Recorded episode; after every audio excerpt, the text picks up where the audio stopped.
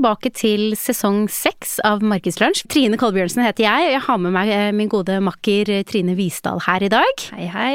Og så har vi også med oss Titti fra Opinion. Hei sann. Hei! Og i dag skal vi fortsette episoden fra forrige gang, så hvis du ikke har hørt forrige episode, så vil jeg anbefale å spole tilbake og høre den først, fordi vi skal snakke om seks trender som vi ser eh, kommer til å, å prege året som kommer. Og de første tre tre trendene vi snakket om, det var at det unormale har blitt den nye normalen. Og så var det det nye landskapet av bevisste valg. Handlet om innovasjon. Og så og var det dette med å navigere forbrukerens klimabevissthet. Og det handlet om ansvarlighet og hvordan vi skal være ansvarlige merkevarer. Og at grønnvasking en gang for alle er ut.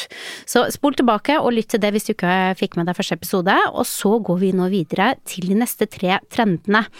Og vi skal snakke om hvordan man skiller seg ut i et overmettet mediemarked. Og så skal vi snakke om riktig kanalvalg for den selektive eh, forbrukeren.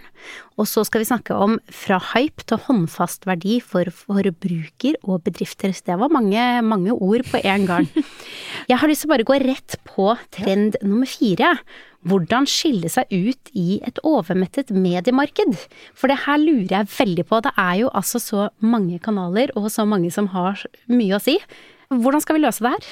Det er ganske vanskelig. Ja, det er det. det, er ikke, det er ikke bare å gjort på 1, 2, 3. Deilig å høre. Ja, det var litt, det var litt befriende, faktisk. Mm. Men vi har jo eh, noen knagger vi kan henge dette på, eh, som kan kanskje hjelpe oss med å, å nå ut. Da, fordi at kampen om forbrukernes oppmerksomhet til, tilspisser seg mer og mer for hvert år som går. Ut ifra at uh, mediemarkedet blir mer fragmentert. Og reklameirritasjon hos ja. forbrukerne øker. Det gjør den.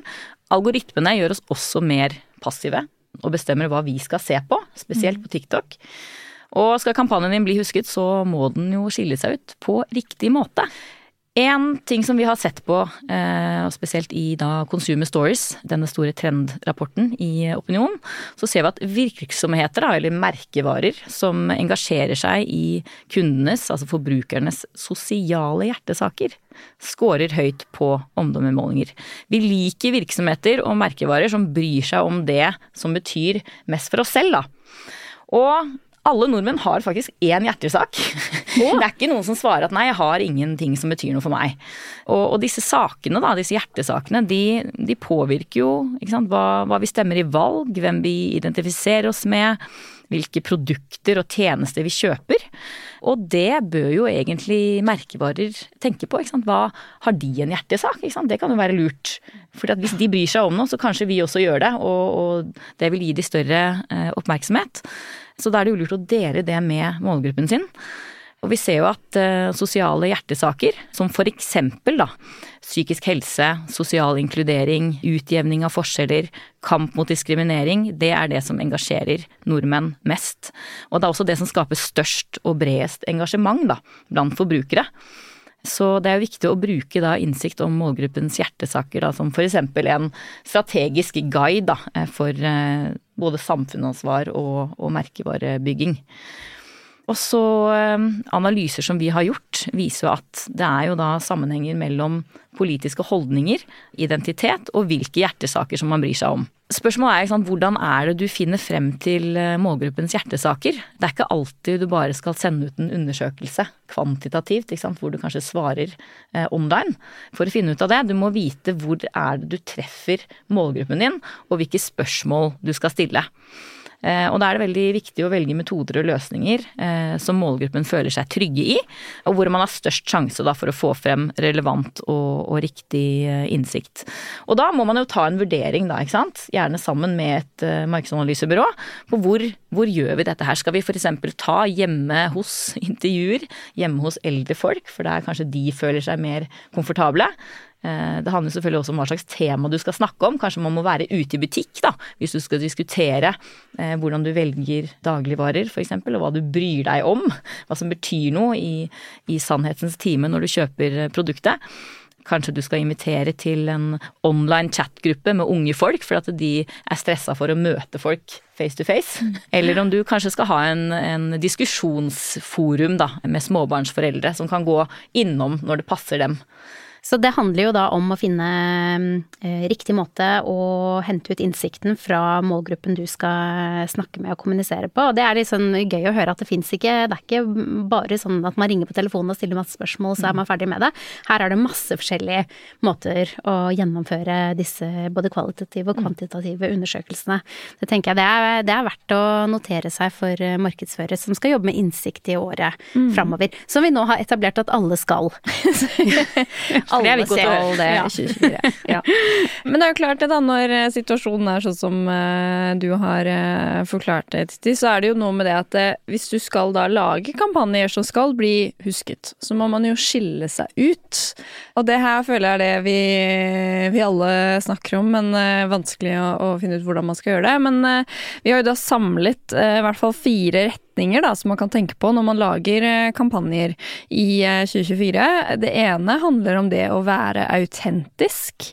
Eh, vi ser jo det at med inntog av TikTok så endrer jo det Har endret mye av hva som rett og slett går viralt nå, hva som får mest oppmerksomhet. Og de andre kanalene har jo på en måte fulgt deres oppskrift nå. Og det med innhold som reflekterer genuin kreativitet og spontanitet, brukerne som deler da autentiske øyeblikk ufiltrerte uttrykk, ekte følelser, blir jo prioritert veldig av uh, algoritmene. Så det er på en måte én retning man kan uh, velge å gå. Være autentisk når du snakker om uh, merkevaren din. Eller så kan man jo velge å fortelle en vits. Skal jeg fortelle en dårlig vits, kanskje? Fordi jeg har hørt at neste viktige ting er å være morsom. Eh, og den der er så vanskelig. Ja, veldig vanskelig. Her kan man trå litt feil, altså. Men eh, nei, altså humor er jo På fire av de fem største sosiale plattformene, Snapchat, Instagram, YouTube, TikTok og Facebook, er humor det innholdet som eh, størst andel unge oppsøker og bruker tid på. Mm. Det tenker jeg det er verdt å, å notere seg. Og så tenker jeg det er også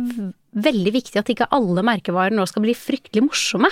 For det blir for det første veldig slitsomt, og så blir det veldig feil. Det er ikke alle merkevarer som skal være det. Så må, denne her må du liksom kjenne litt på og se om den passer deg eller ikke. Mm. Og så er det jo en ting som eh, passer veldig godt med dette at nå er det januar og nyttår og nye muligheter, dere. Det er kanskje mange som i hvert fall har hoppet på denne trenden nå de første to ukene av året. Så er det vel flere og flere som detter av.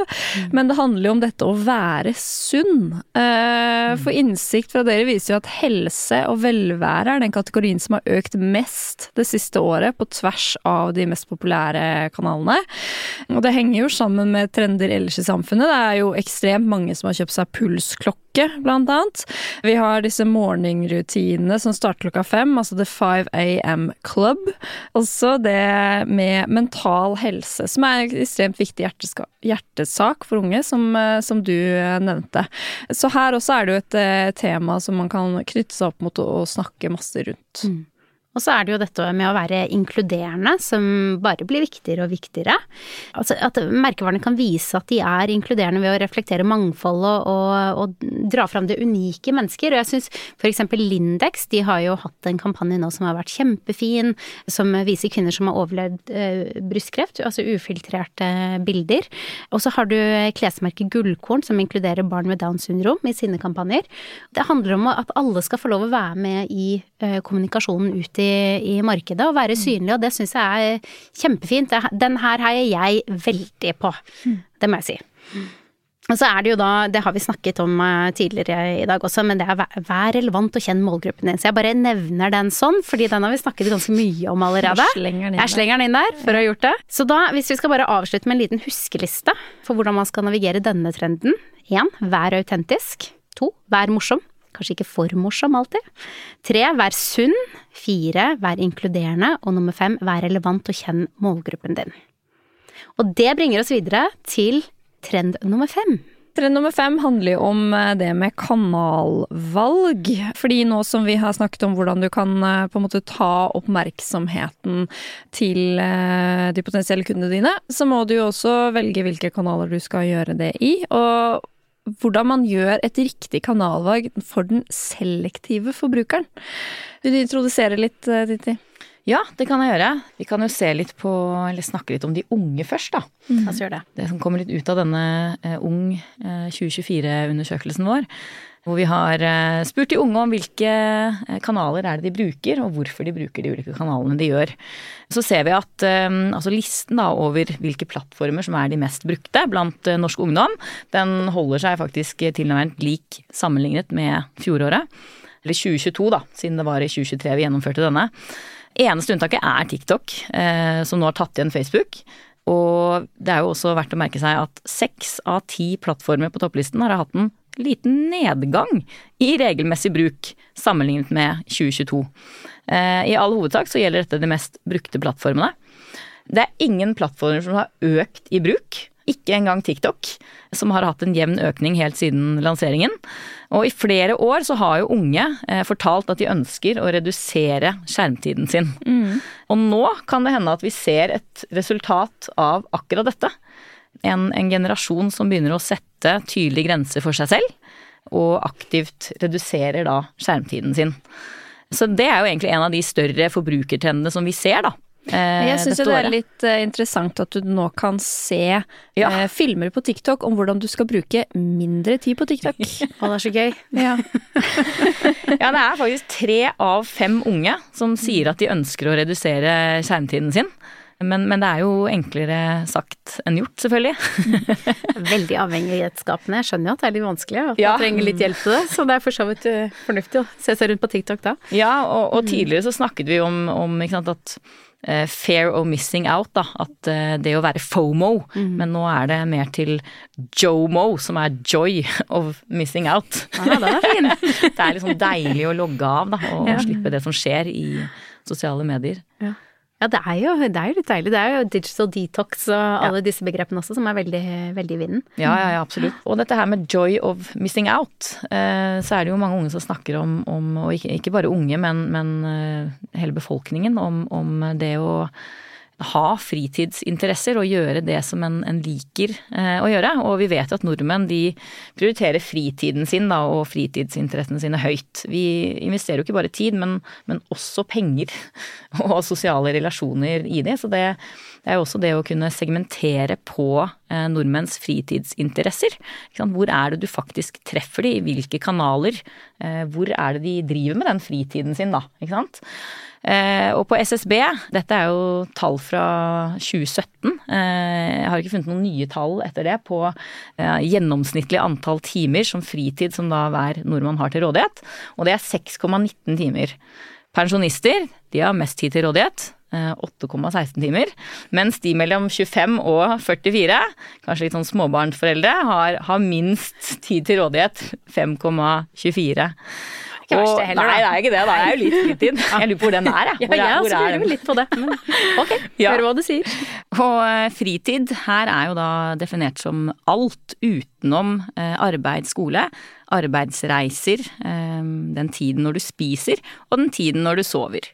Og fritidsinteressene våre det er jo knytta til det beste i livet vårt. Eh, vi forbinder det med noe som er meningsfylt. Du kan liksom spørre en, en 70-åring og en, en 20-åring, eh, og du får det samme svar. Nordmenn elsker fritiden sin. Vi bruker mye tid på det.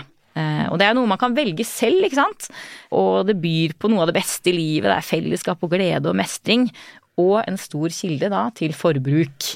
Så det er jo da viktig å følge med på hva er det man er opptatt av. Film og TV-serier det topper alltid lista, det har det gjort i alle år. Eh, men vi sitter langt fra bare i, i sofaen. Vi ser at kun 1% av Norges befolkning oppgir null fritidsinteresser. Så her får vi jo med nesten alle sammen, hvis du segmenterer på det. Og de fleste har jo flere, da. Eh, og det viser at vi både har fritid, og vi fyller den med noe meningsfylt. Mm. Så dette kan jo være en måte å bruke kanaler eh, litt annerledes på. Bygge relasjoner og relevans ved å møte folk der de driver med sine fritidsinteresser. Der de har sine interessefellesskap, da. Og det kan jo være foreninger, hobbyer, trening, eh, jobb. Eh, for fritid er jo en stor kilde til forbruk. Ok, men da ser vi jo det at uh, Altså, vi bruker Vi er jo fortsatt på sosiale medier, det er ikke det. Men mm. man uh, prøver å bli litt mer bevisst på det. Men hvordan er det vi da skal bruke kanalene, da? Hvis vi skal snakke om dette med kanalvalg. Hvordan kan man være kanskje litt særegen i kanalvalgene man gjør, så vi faktisk når forbrukeren på mer de premissene de ønsker å være? Så i rapporten vår så har vi jo et par eksempler vi drar fram som jeg syns er litt interessant. Vi har jo blant annet Polestar. Uh, de valgte å gjøre noe nytt da de lanserte lanserte sin siste kampanje. De hadde jo et samarbeid med frikjøreren Nikolai Schirmer. Og de gikk jo ekstremt bredt ut. Jeg synes det var vanskelig å ikke få med seg den kampanjen. Eh, men de valgte jo da å kjøre veldig mye out of home, altså utendørs reklame. Eh, og også apropos som du sa, eh, at reklame er irriterende.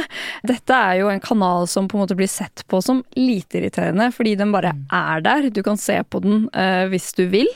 Og så var det jo også en litt annen type Han er jo mer en lokal påvirker, blir sett på mer som en, en helt. Da. Han er jo veldig opptatt selvfølgelig av å ta eh, miljøvennlige valg for å bekjempe global oppvarming og redde vinteren, ikke sant. For det er jo en naturligvis en stor del av hans liv, hans passion, hans sport, hans arbeid. Og da at et, et bilmerke knytter seg opp mot han, men da selvfølgelig elektriske biler, er jo en, en uh, spennende kanalvalg å, å, gjøre. I tillegg så har vi jo eh, Fabric. De er du veldig fan av. Det er liksom eh, Det er snakk community-drevne handleopplevelser. Altså Fabric, mm. det er liksom gjengen min, det. Jeg elsker jo ja. å sy. Og de må jeg jo si at de har virkelig fått til noe som ikke så veldig mange andre egentlig har klart å få til. De har klart å inspirere til grønnere klesforbruk. Jeg hørte faktisk på podkasten deres på vei inn i studio her i sted. Så jeg er liksom all in på de, da. Og det er nettopp det noen merkevarer klarer å gjøre, er å, å finne de der nisjene hvor folk virkelig bare får en sånn fellesskapsfølelse, samtidig som de har noen verdier i bunn som denne gjengen kjenner seg igjen i og heier på. Og dette med grønnere, altså mindre forbruk av klær klær og som, som, et miljøtiltak, det er noe som er viktig for meg, da, som de treffer meg med. I fjor så arrangerte de faktisk eh, Fabrikstad, som er en festival der andre sy- og strikke- og gjenbruksentusiaster kunne møtes og både handle og sy sammen. Da hadde de samlet alle gjenbruksbutikker omtrent i hele Oslo og Norge, og strikke-community, og liksom virkelig laget et kjempe-community sammen. Fylt Vikingskipet på Hamar på mange måter skal man si at de har virkelig klart lykkes med å bli denne gjenbruksbevegelsen som vi så sårt trenger i samfunnet.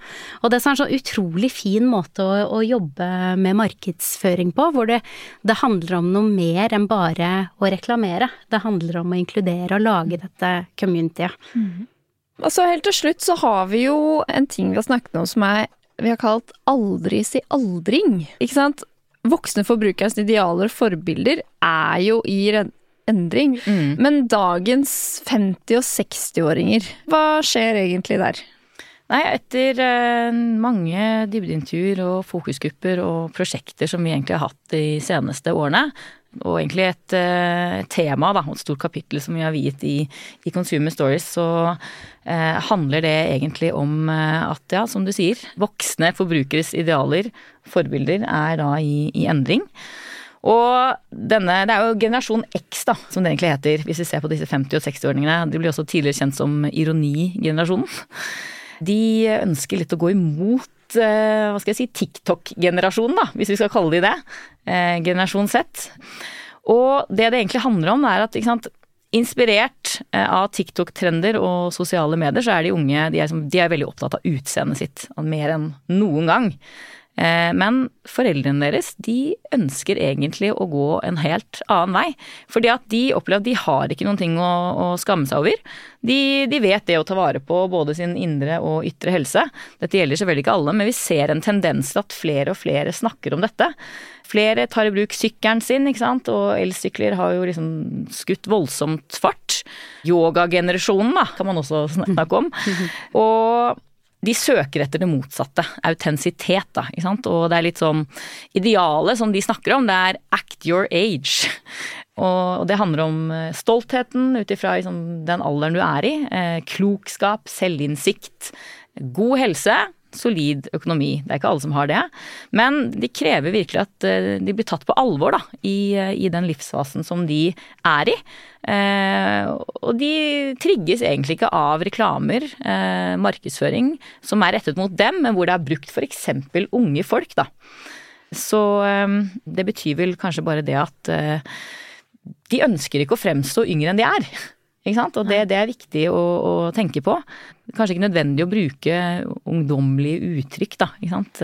og idealer i, i kommunikasjonen, men fremheve da hva er det som er denne, hva skal vi si, aldersgruppens eh, energi, da. Mm. ikke sant. Hva er, de, hva er, det de, ønsker? Nå skal jeg si noe som ikke er festet i innsikt, men mm. en sånn antakelse jeg har. Men jeg syns i hvert fall det er blitt mye mer synlig med eldre, den eldre generasjonen i mediebildet. Både mm. på plakater og i re reklamekampanjer, og eh, det er blitt mer snakk om eh, overgangsalderen blant annet også.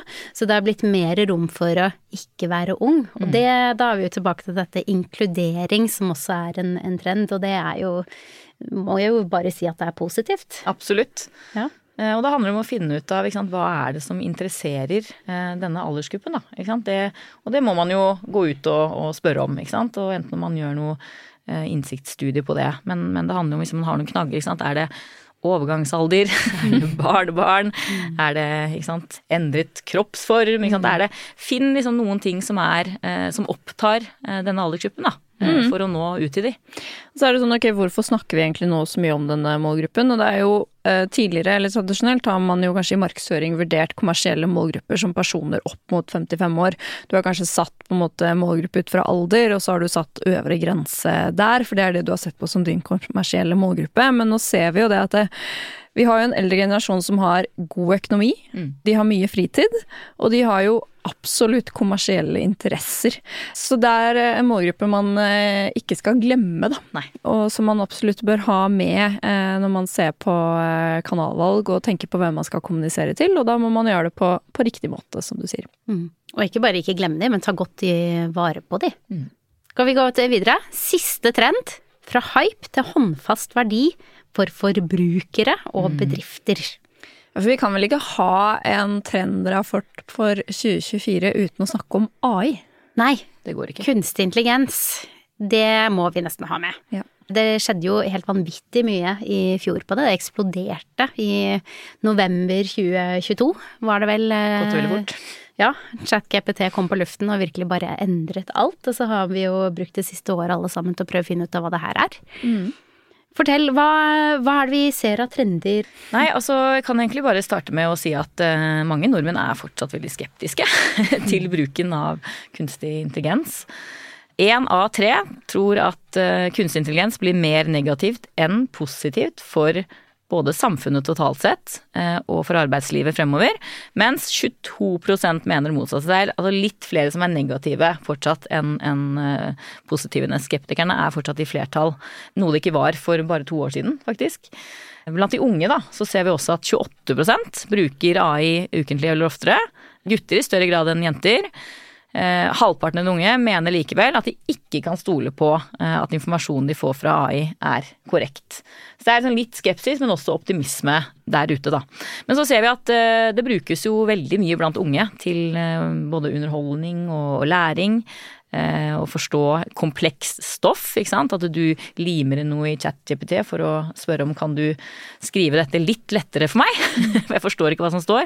Eller å lære nye språk, for eksempel, da. Halvparten av unge bruker eh, AI månedlig eller uh, oftere. Chat, ChatGPT, veldig, veldig populært. Fire av ti unge mener at AI gjør de mer effektive i, i hverdagen. Og selv om det er en, en viss uro knytta til denne utviklinga, så er det en økende aksept da, for bruk av AI i hverdagen og på arbeidsplassen blant unge. Og, og det vi kan si da, er at kunstig intelligens, det kommer jo til å automatisere og effektivisere enkel innholds- og hva skal man si kunnskapsproduksjon, eh, saksbehandling, regnskap, mm. analyse, som meg selv, mm. og, og, kreative oppgaver. Og det vil jo skape et skille mellom de som henger med og de som ikke gjør det. Og vi tror jo at vi sannsynligvis vil oppleve et nytt digitalt klasseskille, da. Akkurat sånn som for 25 år siden, da dette internettet og digitaliseringen for alvor eh, begynte å ta av. Så det er liksom hvordan tar man fatt på det, da, ikke sant. Og, og Eh, vi ser at innenfor både marketing, kommunikasjon, eh, innholdsproduksjon, så, så, skaper jo kunstig intelligens allerede veldig store endringer, veldig store muligheter. Det er jo masse apper og tjenester og nettsteder og produkter for mm. å effektivisere. Mm. Så det er, det er verdt å bruke tid på å forstå hva som skjer. Ja, det er kjempe, kjempeviktig. Vi har jo jobbet mye med det. Trine og jeg har, var jo faktisk, eller er, AI-ansvarlig i Markedssjefene. Jobbet mye med det det siste året, og det har vært veldig interessant å følge med på og bli bedre kjent med. Fordi det vi ser er at du, altså du blir jo veldig mye mer effektiv med det inntil en viss grad, og så stopper det litt opp. Mm. Og disse veldig gode use casene, vi har noen få av de som er sånn wow, her sparte vi masse tid, og kvaliteten ble veldig mye høyere enn vi ellers hadde fått til. Men så er det på et eller annet tidspunkt så stopper det litt opp, fordi du må kunne fagområdet ditt ganske godt for å få det beste ut av mm. AI også. Og det tenker jeg det er sånn betryggende å ha med seg også, at eh, jeg som ikke kan noen ting om fotografi, jeg kommer ikke til å kunne bli en fotograf med AI, liksom, mm. fordi jeg kan ikke det. Og det syns jeg er interessant å, å, ha med seg her. Og at folk er litt skeptiske, det, det kan jeg også skjønne, fordi det er, det er veldig mye som er uklart rundt det her nå framover. Men at det er viktig å kunne og sette seg inn i, som markedsfører spesielt, det er det ingen tvil om. Nei, jeg er helt, uh, helt enig. Og altså det vi ser at det er mest brukt, i hvert fall nå i 2023, var jo ekstremt mye på innholdsproduksjon. Og der um, er det jo mye man kan bruke det til. Vi har jo selv brukt det på, på kundene våre. Og i eh, rapporten så nevner jo annet eh, dette caset med Nutella, som ønsket å skille seg ut med emballasjen sin for å gjøre produktene mer attraktive og få egentlig mer eh, omtale, skape en uh, hype. De brukte da AI og lagde ulike mønstre for å lage syv millioner unike etiketter. Syv millioner! Syv millioner unike etiketter. ikke sant? Da, da, skjønner jeg jo at det ble effektivisert når du bruker AI, da, at ikke du har en, et fysisk menneske som skal sitte og lage alle disse. Ja. Eh, men de ble jo da unike, uttrykksfulle, som italienerne er. Så de lagde Nutella Unica.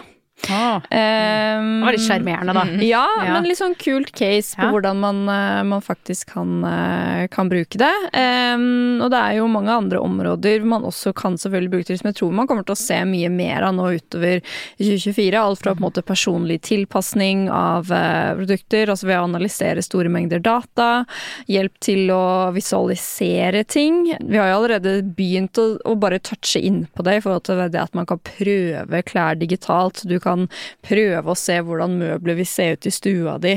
Alle disse tingene kommer man sikkert bare til å se mer og mer av. Dette med rådgivning og kundeservice er jo også områder som, som det kommer til å bli eh, brukt mye, mye mer på. Så det blir en del av verktøykassa til alle markedsførere der ute. Kanskje vi skal komme en liten oppfordring til markedsførerne som lytter. Hvis du ikke er i gang med AI no, på noe som helst vis enda, finn én ting du skal jobbe med i år, og bli litt kjent med denne verden. Fordi det er så viktig å være eh, på ballen her. Mm. Og så bare husk det med å tydelig merke innholdet ditt. Og det har vi så vi noen eksempler på i høst, hvor det er lett fort lett å bli, bli, tatt på det. Og spesielt eh, når det kommer flere av disse deepfakes, altså hvor det er falskt bilde og falsk lyd. Manipulert innhold er jo en økende bekymring, eh, så husk merk AI-innholdet ditt. Vi er ved veis ende. Det var eh, seks trender for 2024. Mm med god hjelp fra Titti og Opinion. Det var helt fantastisk å ha dere med i år. For å hjelpe oss gøy å være med. Mm. Ja, så hyggelig. Kanskje vi får det til neste år også? Ja, det syns jeg vi skal gjøre. Så får vi bare si også hvis det er noen som eh, har eh, spørsmål rundt rapporten, eller eh, vil høre enda mer, kanskje de vil at vi skal komme til de og ta en prat, så er det bare å ta kontakt, så stiller vi gjerne opp på det. Ja, og rapporten den kan lestes ned på markedssjefene.no. Takk for i dag. Tusen takk. Takk for i dag. Ha det bra.